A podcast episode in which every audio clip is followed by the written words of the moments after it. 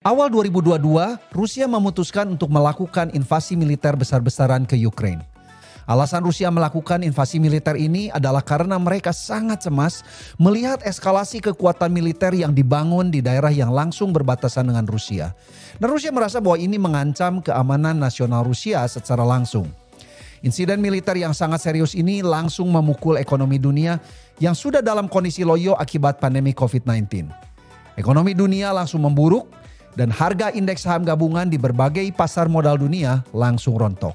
Dalam konflik politik yang terpisah, Amerika pun terlibat dalam ketegangan dengan China karena kunjungan Ketua DPR Amerika Nancy Pelosi ke Taiwan. Bagaimana kondisi ekonomi Indonesia akan terpengaruh oleh ketidakstabilan hankam sospol di berbagai bagian dunia ini? Perang Rusia-Ukraine ini sudah berlangsung berbulan-bulan lamanya dan kita tidak bisa memprediksi kapan perang ini akan berakhir. Saat Rusia pertama kali menyerang Ukraine, banyak pengamat militer dunia memprediksi bahwa konflik militer ini akan selesai dalam waktu singkat. Mereka memprediksi bahwa Rusia dengan semua kekuatan militernya, termasuk arsenal senjata nuklirnya, akan mampu menaklukkan Ukraine dalam waktu yang sangat cepat. Ternyata negara Ukraine tidak mudah ditaklukkan karena medan pertempuran yang ada memungkinkan tentara Ukraine untuk melakukan perang gerilya atau sistem perang hit and run. Dalam sejarah Anda pasti ingat bagaimana Amerika dengan semua kekuatan militernya pun mengalami kesulitan besar menaklukkan lawan yang jauh lebih inferior secara militer seperti Vietnam, Afghanistan, dan Irak karena mereka memakai sistem perang gerilya. Jadi perang yang berlarut-larut ini akan sangat mempengaruhi kondisi ekonomi dunia secara langsung dan tidak langsung. Karena konflik Hankam Sospol ini akan menguras energi dan keuangan semua negara yang terlibat. Amerika dan negara sekutunya sudah mengirimkan bantuan dana dan senjata ke Ukraine dalam jumlah yang sangat besar. Pertanggal 13 September 2022, Amerika sendiri saja sudah mengirimkan dana sebesar 14,5 miliar dolar Amerika atau sebesar 218 triliun rupiah dan jumlah bantuan ini bisa dipastikan akan terus bertambah. Sebelum kita lanjut, saya mau minta tolong untuk Anda bisa like, share, dan subscribe supaya lebih banyak orang yang mengenal channel Ngobrol KPK ini.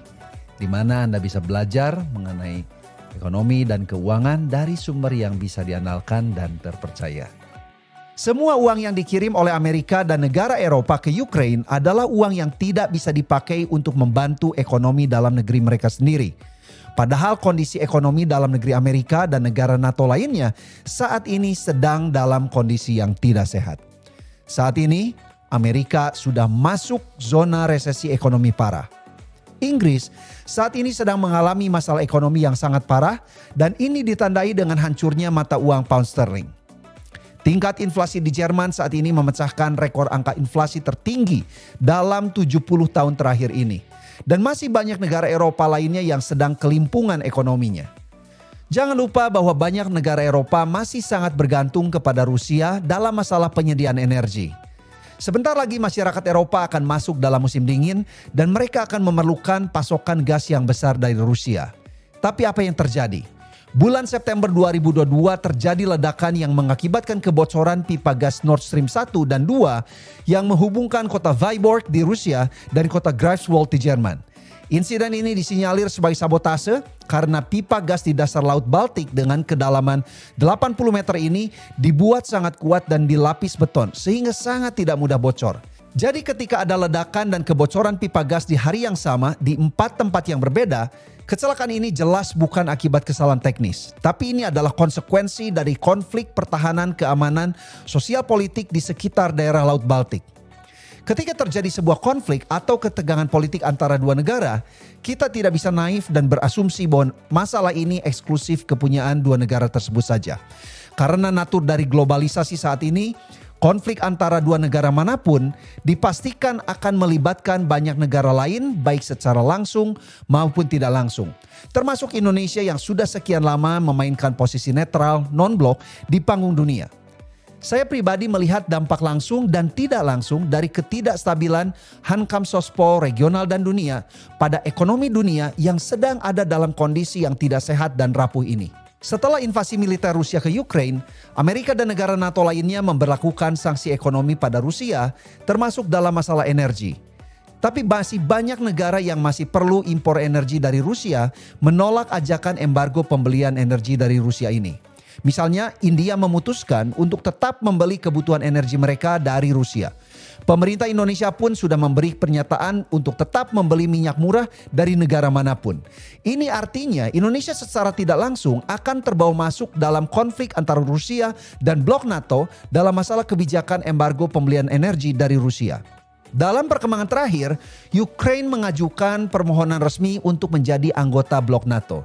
Dan tindakan Ukraine ini membuat Rusia meradang, bahkan Presiden Rusia Vladimir Putin mengancam untuk memakai semua cara termasuk memakai senjata nuklir untuk mempertahankan Rusia.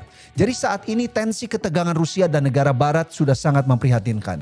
Jadi selama ketegangan Hankam Sospol ini tidak bisa diredam dan kita tidak bisa mendapatkan solusi yang bisa memuaskan banyak pihak, maka krisis ekonomi global ini yang sedang terjadi ini akan menjadi semakin parah dan Indonesia akan semakin terseret masuk ke dalam resesi ekonomi dunia ini.